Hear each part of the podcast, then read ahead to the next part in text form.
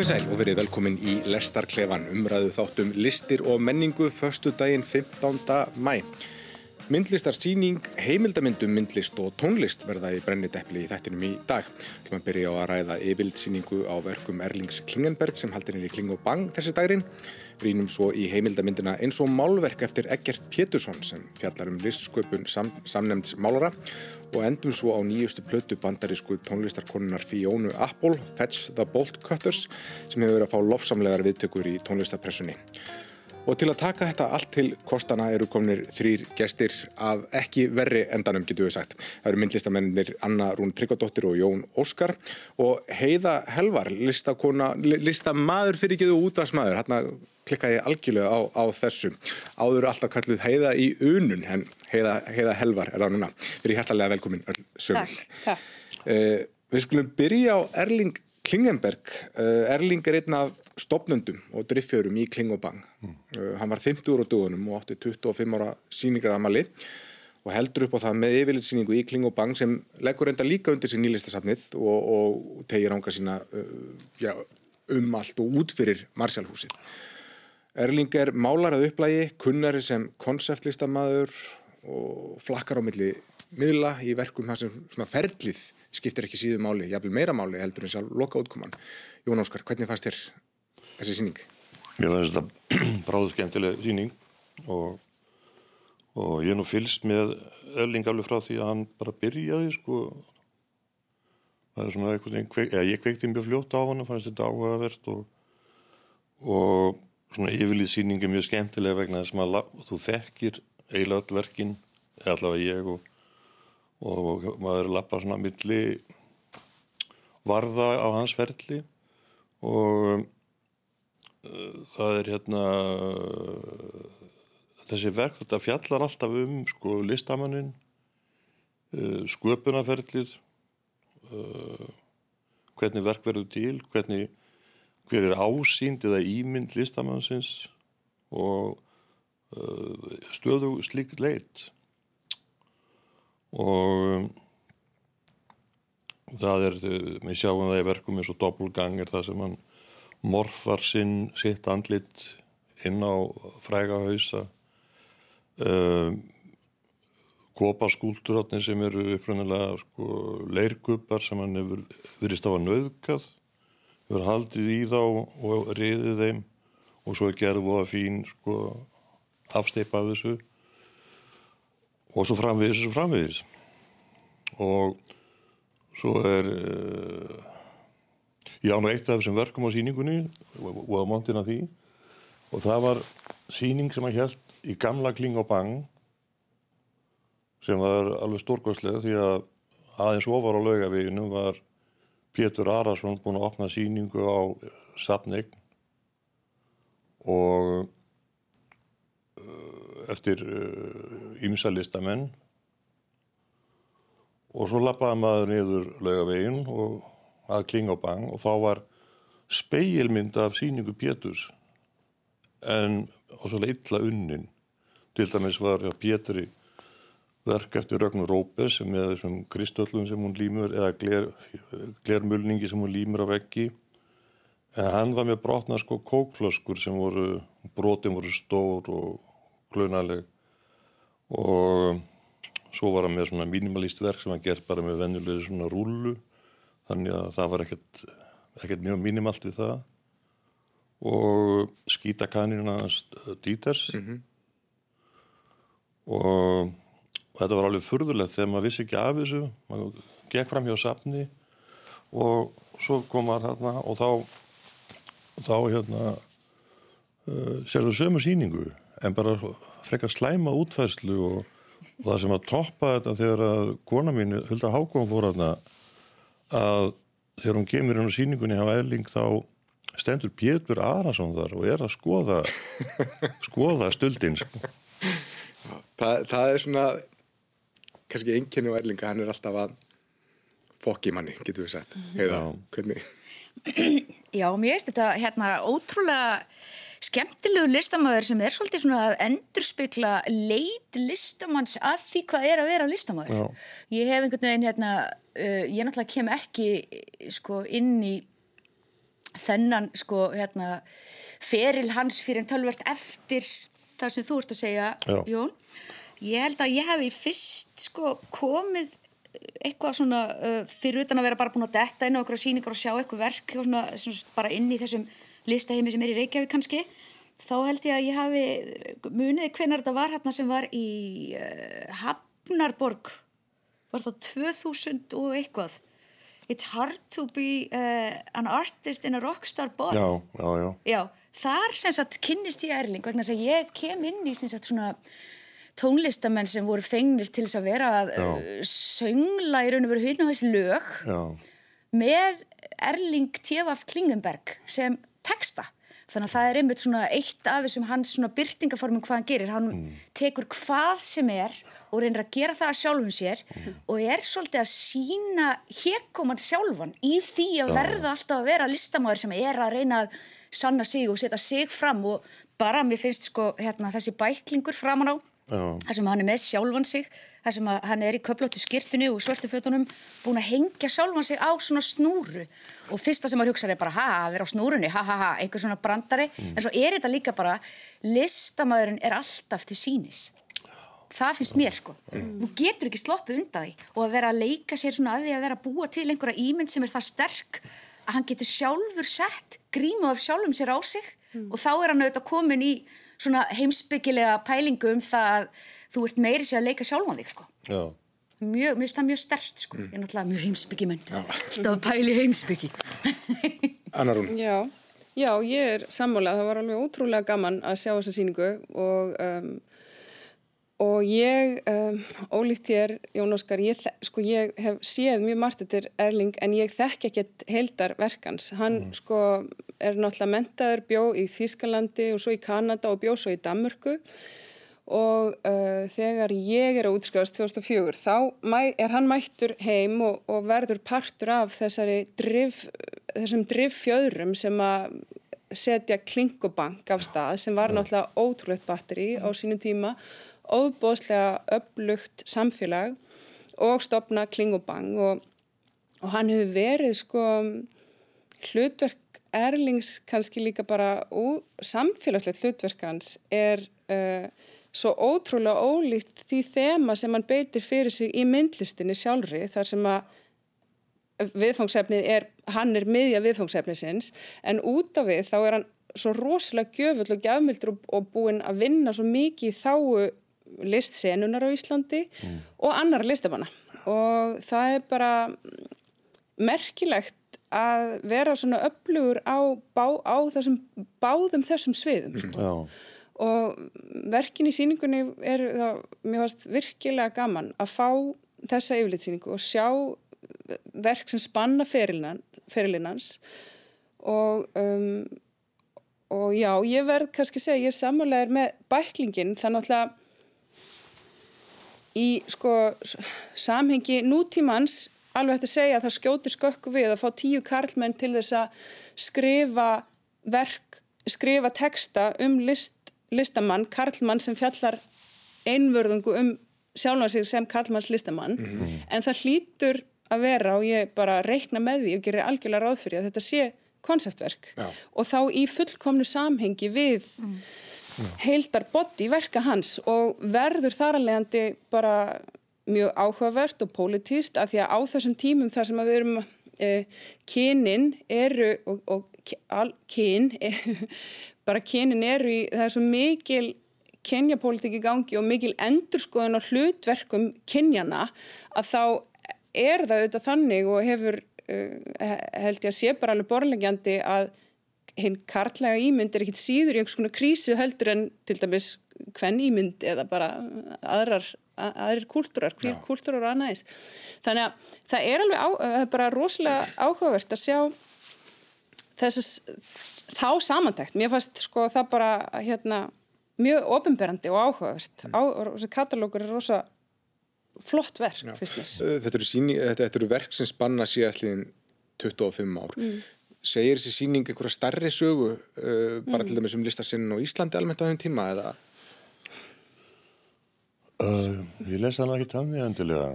sko mér finnst verkin hans vera eh, bara alls sko einhver leiti sér maður alveg, þú veist, í þessum svona slapstick húmor finnum maður alveg tengsl við sko til dæmis sumhreyfinguna eða annað eins, þú veist, það er alveg einhver svona í einhver svona yfirborði en verkinan standa, þau eru ekkert neitt sérstaklega dæmigerð endilega fyrir íslenska listasennu á sama tíma, bara alls ekki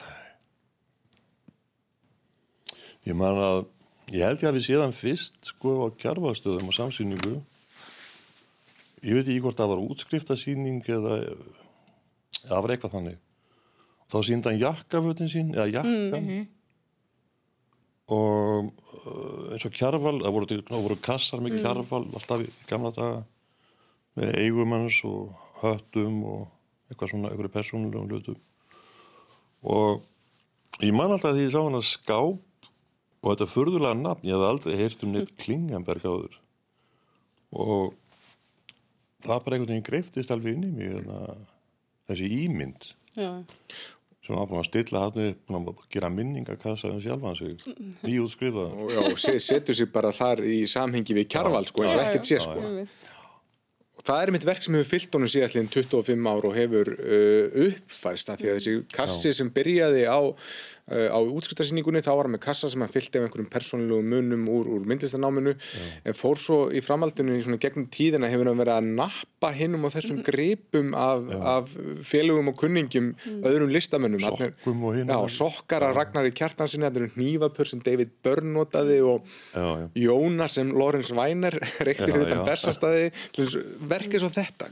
Hvernig, hvernig orkar það á ykkur Sko, ég persónulega upplifi mjög stert akkurat þegar ég var að skoða þetta að þetta væri, sko, ég held að ég hef aldrei farið á svona raunverulega yfirlitsýningu hjá Erli, Erlingi áður, sko.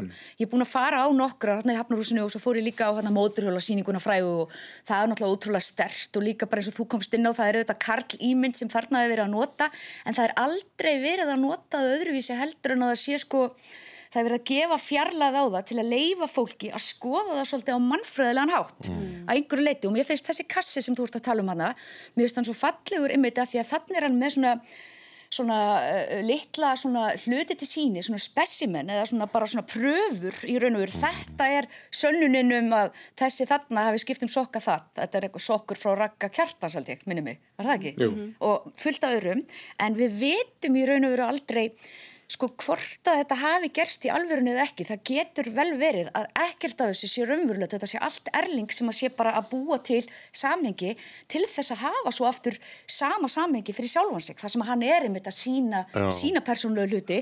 Og þetta er svona mannfræðilegt til að fá fjarlægð sem að hérna er kannski verið að nota það á svona sérstakari hátt heldur en að fólk hefur verið að gera því þetta er ekki bara dokumentasjón um hann, þetta er ekki eins og bara dokumentasjón, þetta er svona þetta gæti verið dokumentasjón. Mm.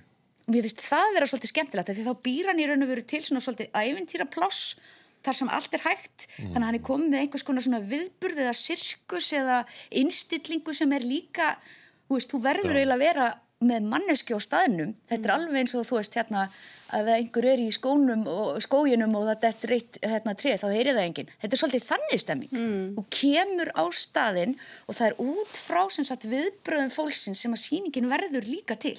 Það verður að hafa fólk eða áhörandur eða En verkin eru líka þannig að maður verður að hafa ákveðnar kannski upplýsingar til sem, sem eins konar likla að þeim, mann hefur sjálfur talað um það að það er ekki fyrir hún farið ákveðna vittnesku um tilhörðu verksins sem það einhvern veginn fær einhverja merkingu.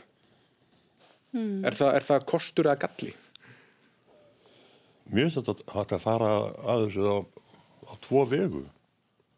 Og þar, þú veist, það er oft fínt að sjá hluti sem maður hefur ekki hugmynd um, þú veist, ekkert um listamannin og, og uh, hefur enga forsendur, sko, fyrirframgefna forsendur til að dæma það. Heldur verður bara að taka það veginn, svona face value og, og lesi það og það er eins og þetta box.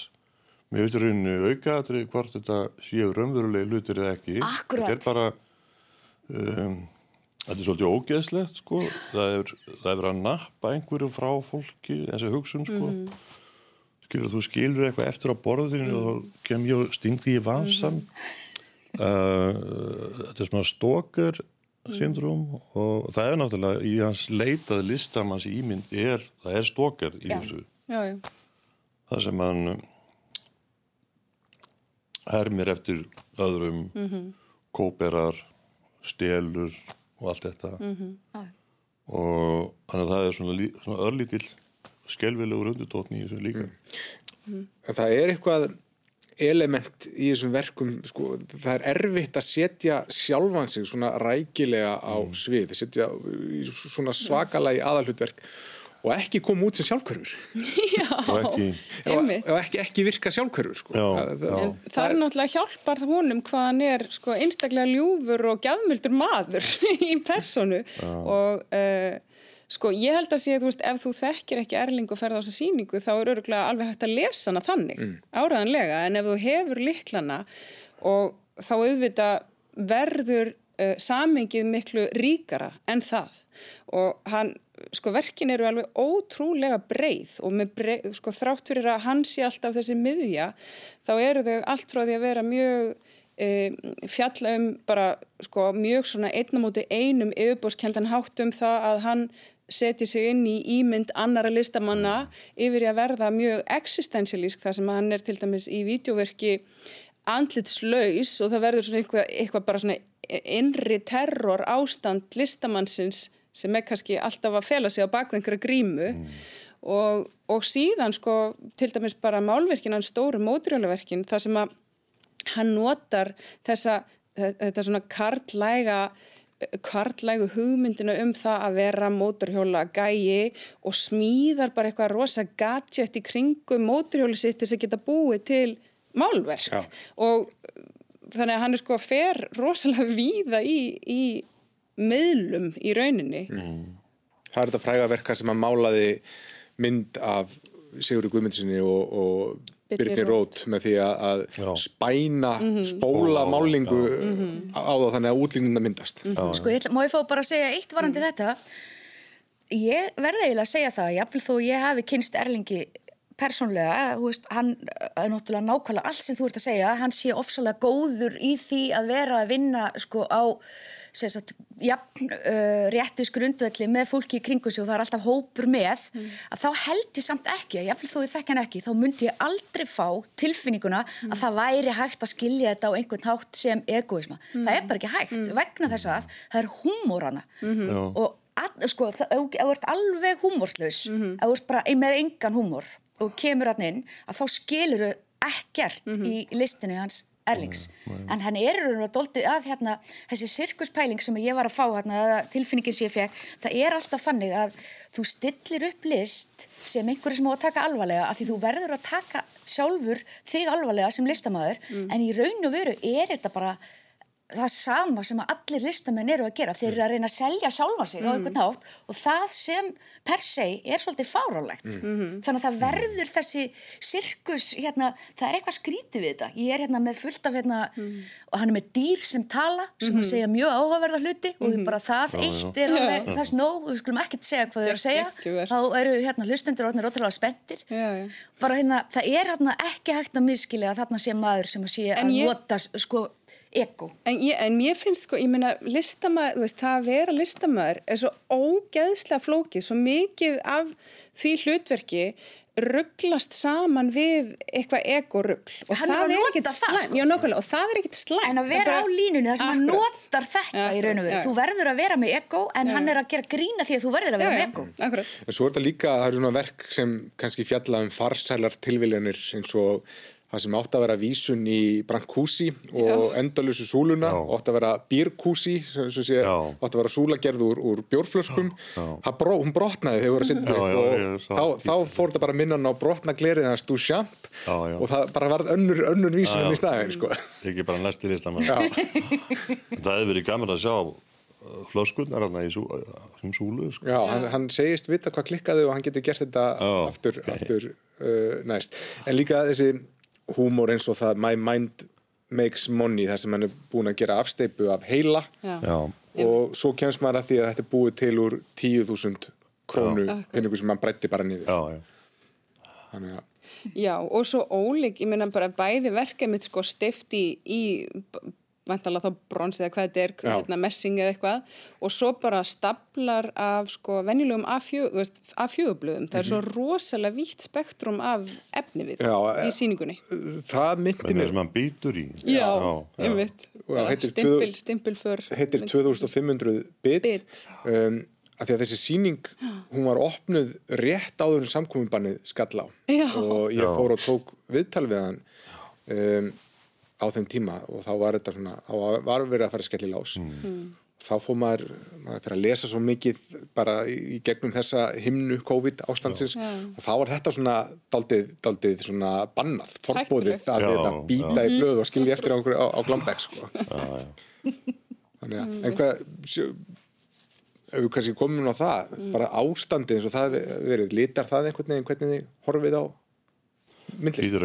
Ég persónulega allavega upplifið það þegar ég fór á þessa síningu þá voru við einu gestinir. Já, Ég fór á sunnudaginn fyrir viku, þess að síðasta sunnudag og uh, ég held einhvern veginn að það yrði aðeins svona fáir en, en samt en það var engin. Við vorum bara ein og við veit ekkert hvort að það breytist og að það var, voru fleiri sem komu á öðrum tímum en ég fekk ótrúlega svona persónlega upplifun af list. List á þessum tíma er eitthvað sem að þú getur líka farið og notið einn einhvern veginn. Og að vera einn inn í listasafni sem maður hefur einhvern veginn ekki upplifað mjög lengi. Þetta verður líka sko uh, að því við vorum að tala um húmorinn í verkunum hans og allt þetta að á svona tímum fá svona verk ofta að, að verður sko dystopískari hérna, stemming. Það er allt í nú tekur við kannski meira eftir ljótleikarnum og útekur eftir fámenni eins og þú nefnir Já. að uh, það spila heilmikla heil, heilmikla rullu í þessu held ég og og ekki það ég hefði upplifað þannig en þegar þú spyrð að þá hérna, vist mér ég alveg sjá þá hlið á þessu eins og blöðin sem eru er búið að býta í og svo býðaði eftir manni svo þessi bíl sem er þarna fyrir utan með Já. grjótinu. Það er náttúrulega stórkostlegt verk. En ég verð að segja samt með sko hvort þetta liti hérna upplifun manns af síningunni að þá er náttúrulega ótrúlega í rauninni hjáká, eh, fyndið og, og hérna áhugavert að síning sem fjallar um ímynd, svona mikið um bara bara hverjar þarfir listamannsins eru til þess að staðsita sig og vera til, hva, þú veist, hvenar er listamæður til, er það þegar að nafnið hans er sagt 200 sinnum af ólíku manneskjum og er það í þessu hulstri sem ímyndin er, að þá lendi þessi síning og þetta viðfangsefni í því að vera bara lokað og þá COVID í fleiri vikur og enginn getur séð Nei. greiði síninguna þannig að það var, það er hérna áhugavert að endur að, að heimsækjana í því ljósi Já. Þetta er, náttúrulega- þetta er næstu eins og þetta hafi verið skipulagt. Það er ekki.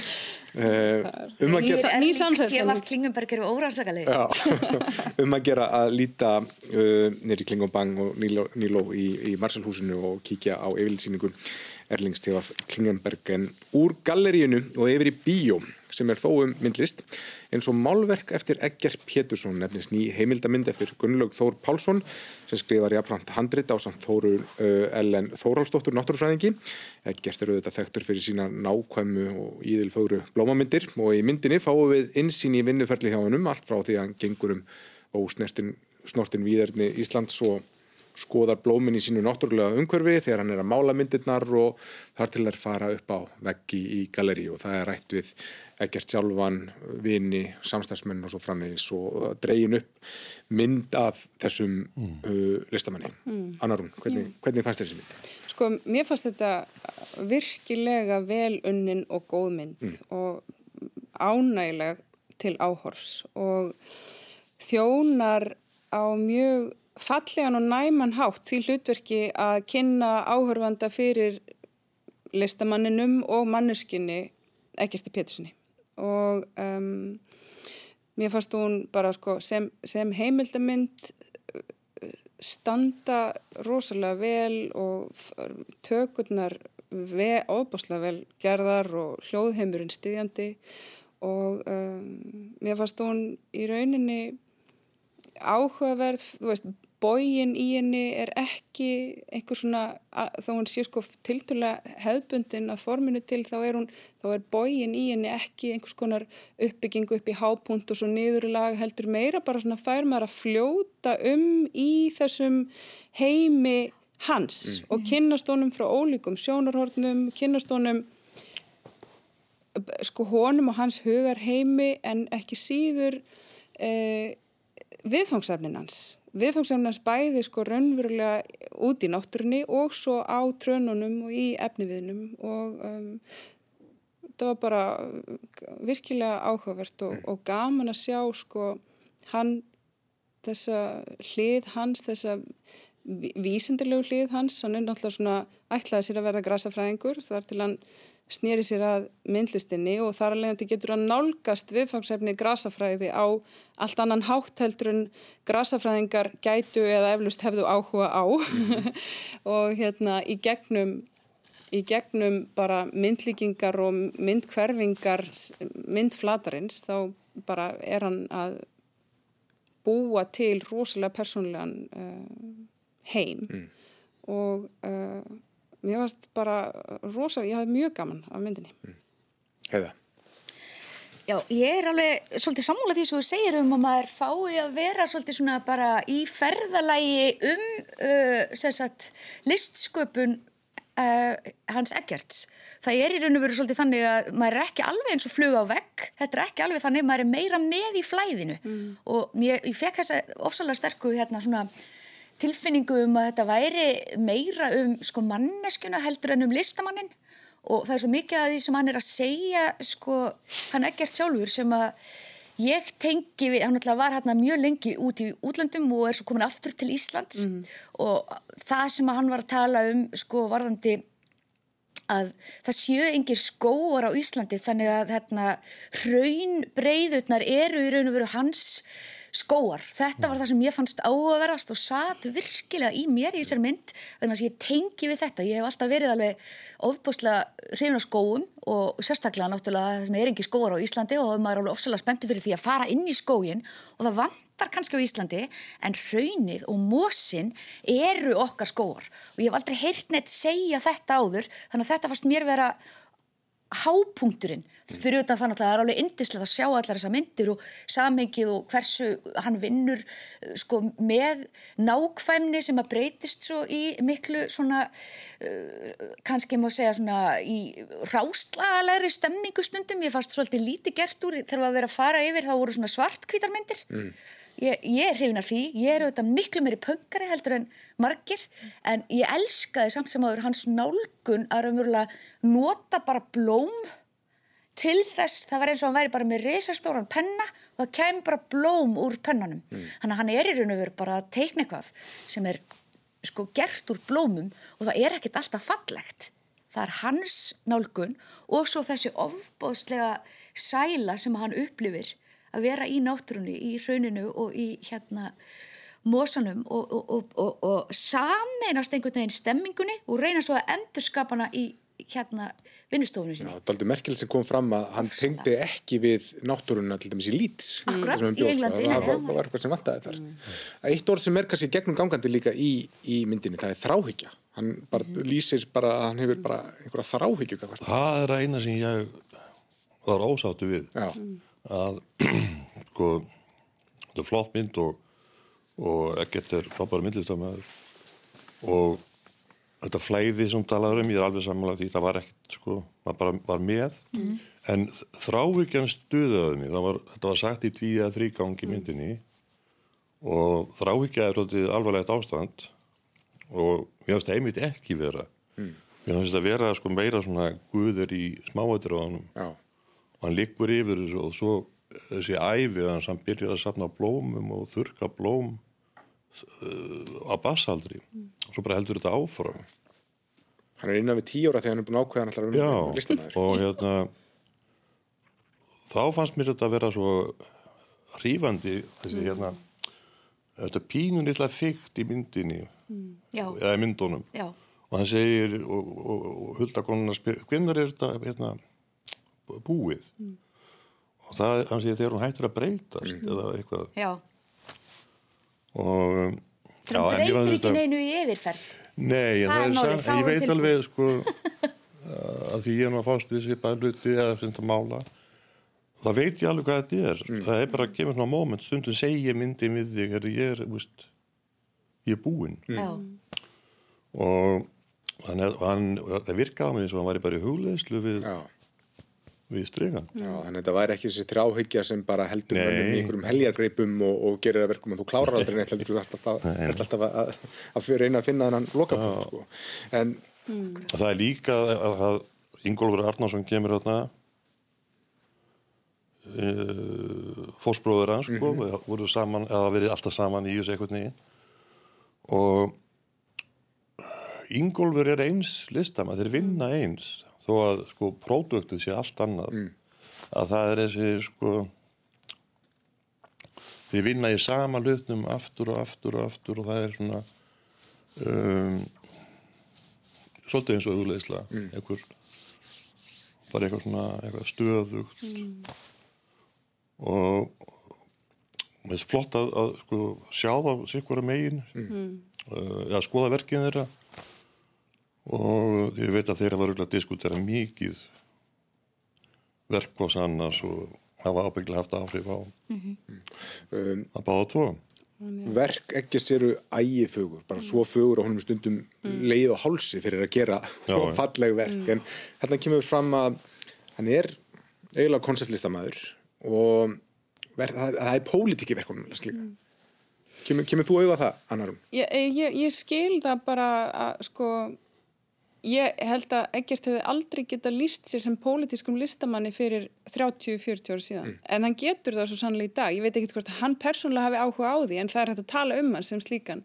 Og það er náttúrulega bara einfallega vegna þess að veröldin hefur breyst svo mikið að viðfóksefni sem hann er að fást við sem er uh, hvernig upplifum við náttúruna og hvernig getur hann sem listamöður miðla þeirri upplifun til áhörundar sem gegnum málverk eru þetta bara orðið að viðfóksefni sem er mál, málana í rauninni, þú veist, hvernig, hvernig tengjumst við náttúrunni, hvernig skilgreinum við hana og hvernig skilgreinum við okkur gagvart náttúrunni eða sem partafinni eða ekki partafinni og það er ótrúlega fallegt, þú talar um þessu hugljuslu að þú veist, hann greinilega er manneskja sem dyrkar það að vera út í náttúrunni. Þar finnur hann eitthvað sen, hann þóli meir ekki kindur, sko, af því að það er bara að geta bróðurinn.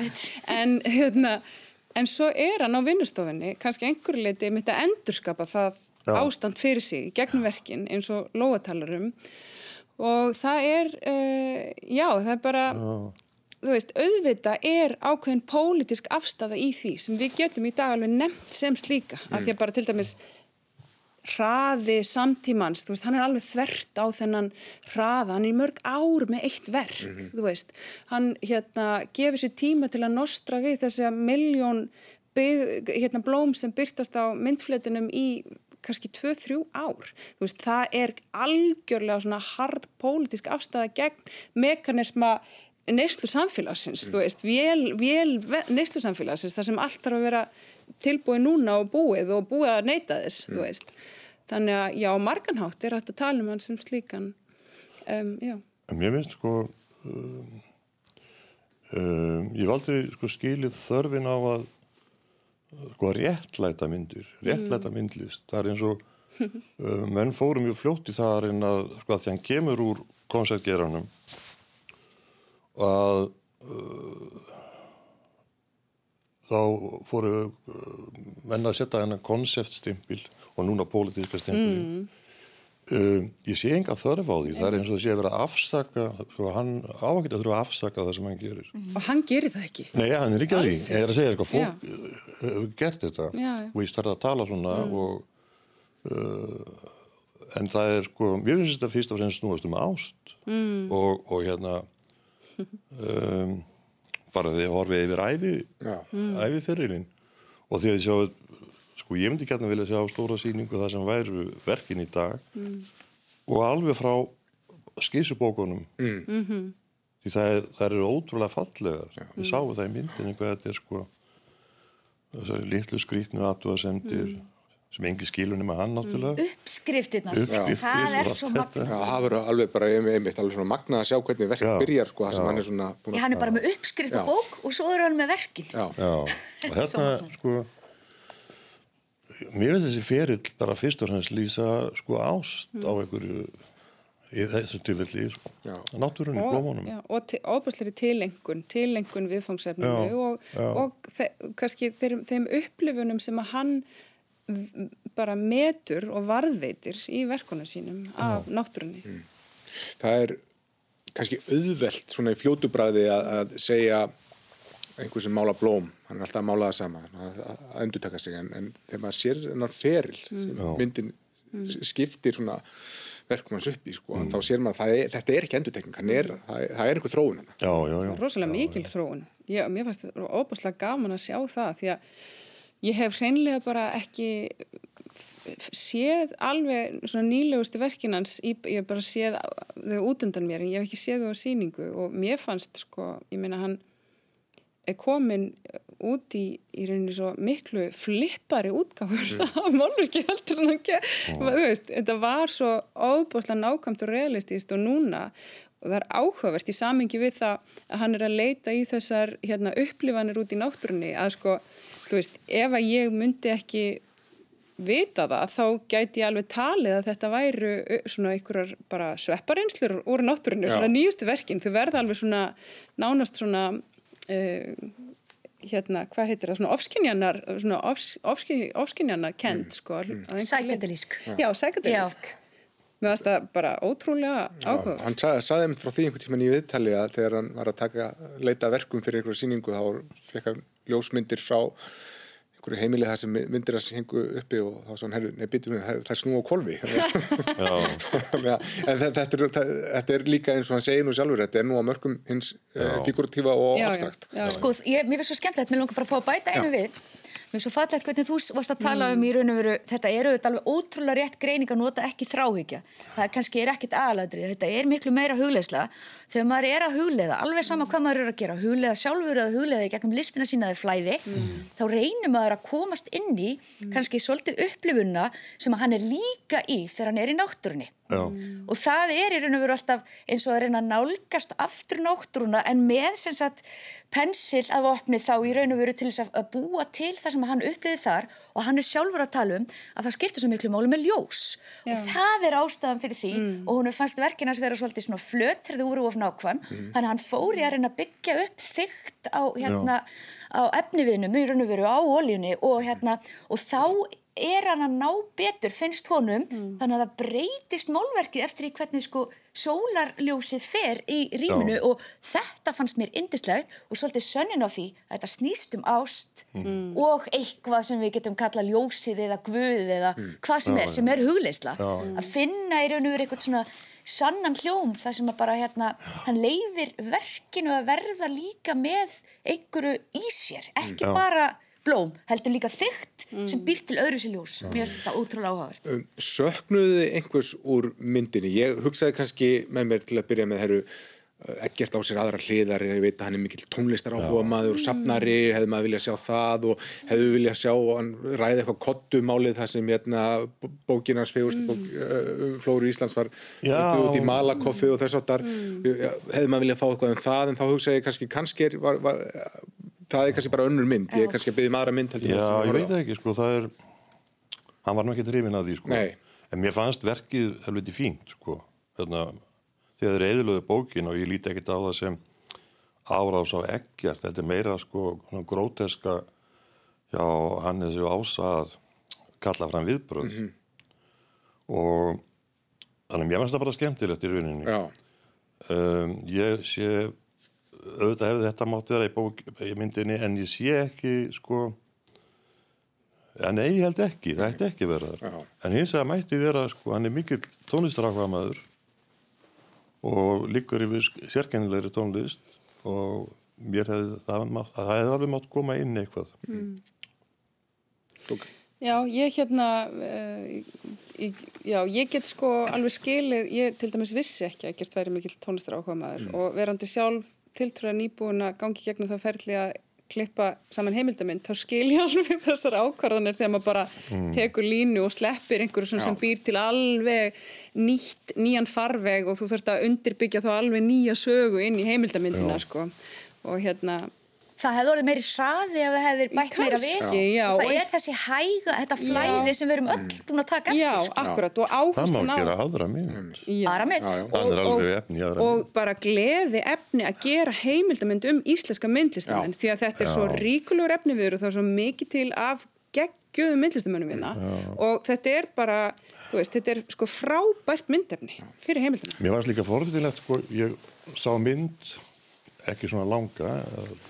á YouTube um Ed Ruska, hérna, Edvard Ruska.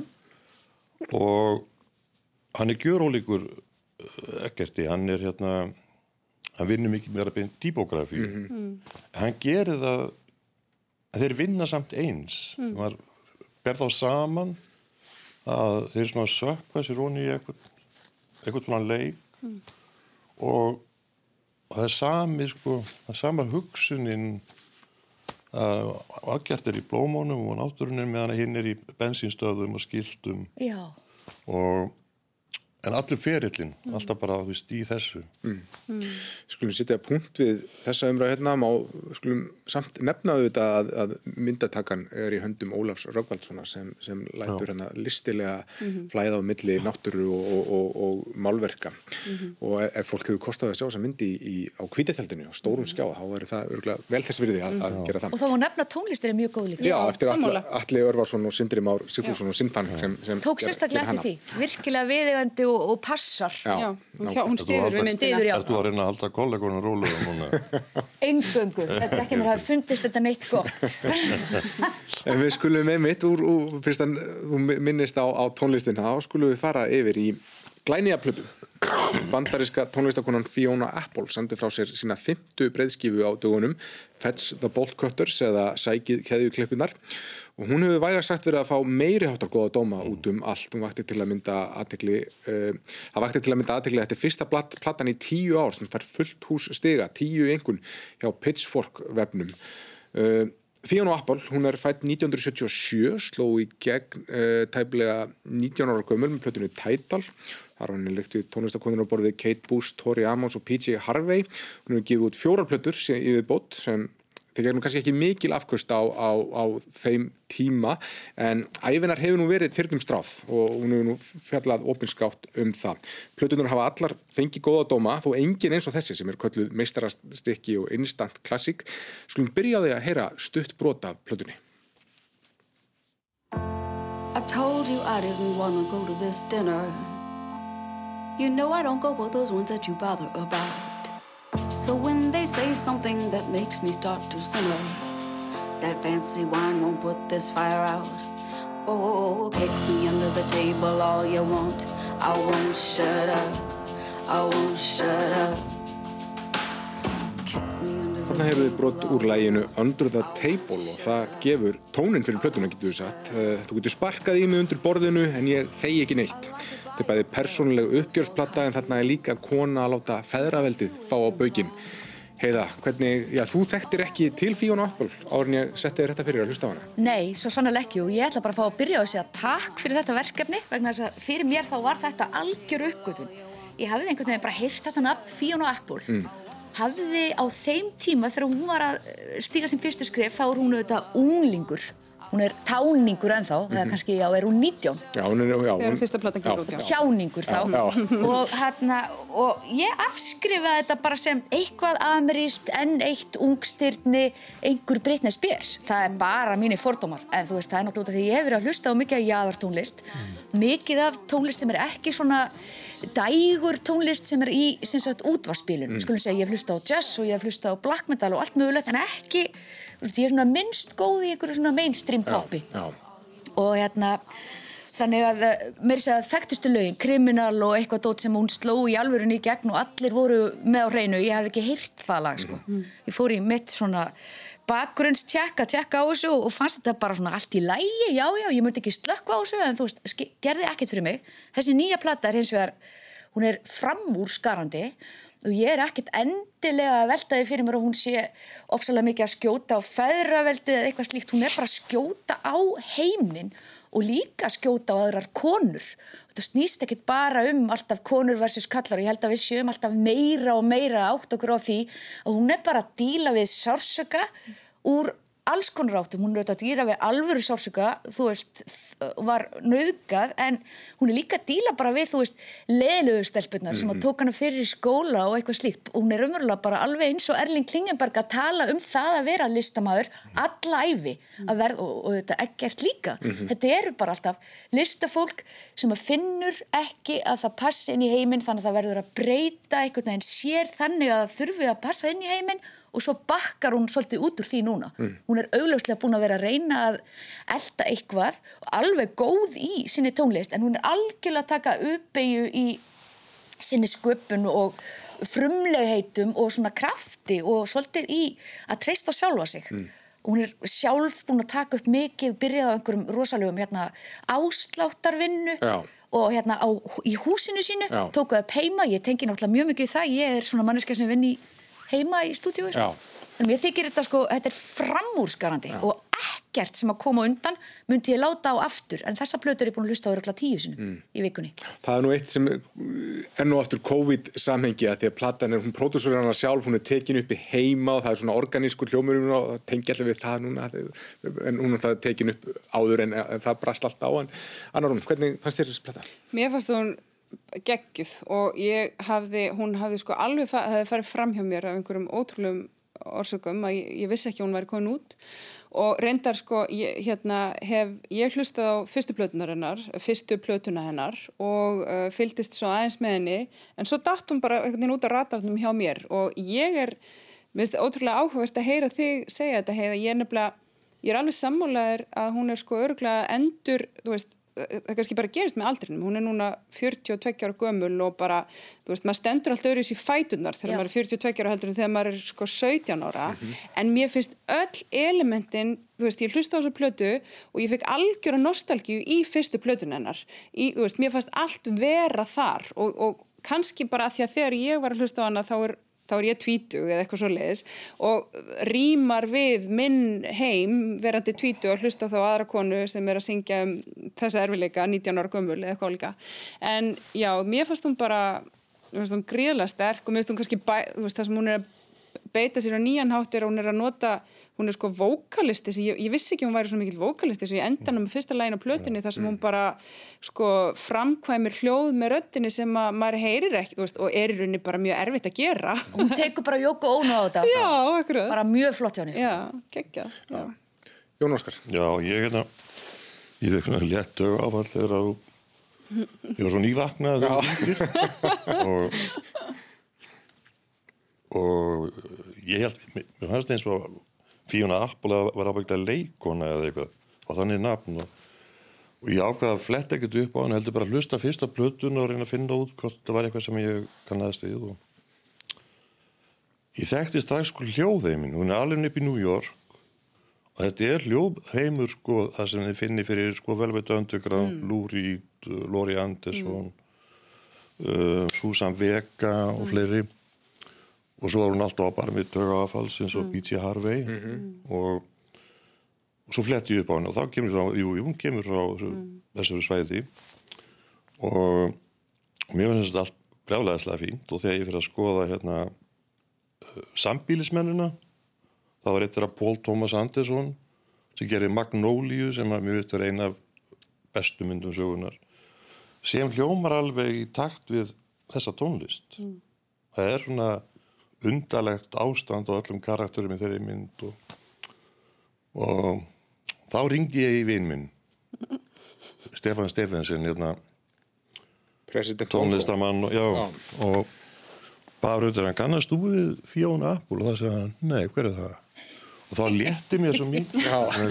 Ég á að til að vera svolítið mánsaralegur uh, að því ég tel mér vita svo mikið um tónlist og þá var þetta svolítið óþægilegt. Já en ég getur rólegur ef hann takkir það ekki og, og ef heiða það ekki Ald, þá er ég hafði aldrei tjekkað þessu Nei. en sko er svo gaman þú talar um sko New York sérstaklega Já. og ég tengdi nefnilega líka við New York auðvitað er Patti Smith þarna sem var kannski Já, aðeins Patti áður en já, já. ekki svona mikið en svo finnst mér bara í lagasmíðunum hennar sem ég er búin að vera núna að skoða líka og Mm. bera saman við eldri ég finn fyrir smá Billy Joel málega það Billy Joel var nú algjör New Yorker og eldri plötunar ekki sem sagt bara frægulögin sem allir þekkja píanómenn og svo framvegis heldur bara fullt af svona albumtracks hann er í þessum jazzaða Já, svo er jazzið, sko. Já. það er jazzpælingin og bara lagasmíðarnar hennar þau eru öðru kvoru samstíga Billy. Joel og hún nema hann er náttúrulega hvítur karlmaður sem er hérna í kringum 1970 að gera eitthvað og kemur úr öðrum heimi en borgin er einhvern veginn svolítið með í sándinu Já, hún er auðvitað líka píjónuleikari eftir, sko. náttúrulega eins og hann sko. Já, hún er auðvitað fyrir utan það, það er það sem ég er að meina. Já. Alveg þessi partur sko, En svo er sko söngurinn, þetta er hérna, mér þetta helst í hug sko Lori Andersson sem Já. hefur verið að brjóta upp þegar við varst að tala um skrít, skrítna rattnótkun, að mér dætt hún helst í hug sko tegja hljóð og höggva, höggva hljóðin. En það er um nefnt að um, Fjónu Apple er John Lennon en þetta er mitt minnildi á, á Yoko Ono. En sumir gaggrindur hafa sagt að þetta sé svo fullkomlega viðegandi plata fyrir okkar tíma, beint í kjölfar, me too og þess að þar. Tengdi settur hún eitthvað í það samhengi?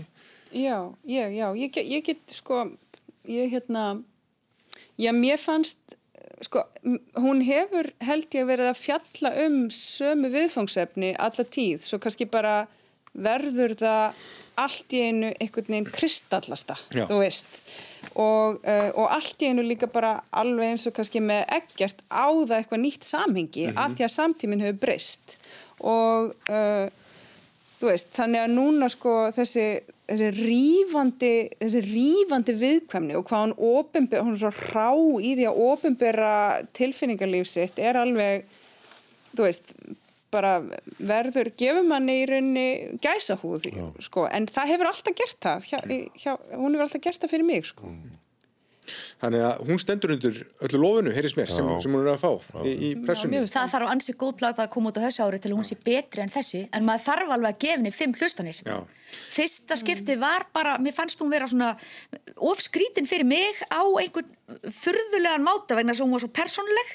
En ég hlust á skrítna tónlist þannig að það þarf alveg svolítið mikið þannig að hún er virkilega áhugaverð sko. Ég ætlaði að enda á lægi af plötunni en okkur bara finnst ekki tími til þess. Við erum búin að fara um svo víðan völl og tala svo mikið. En, en kíkið endilega á Spotify og hlustið þar á Fetch the Bolt Cutters eftir nýjustu plötu Fíun og Apple sem já, við erum svona rjúkandi glöð með hér í lestarklefanum. Hjartans þakkir fyrir komuna Anna Rún Tryggvadóttir, eh, Heiða Helvar og Jón Óskar. Góða helgi. Takk sem við sem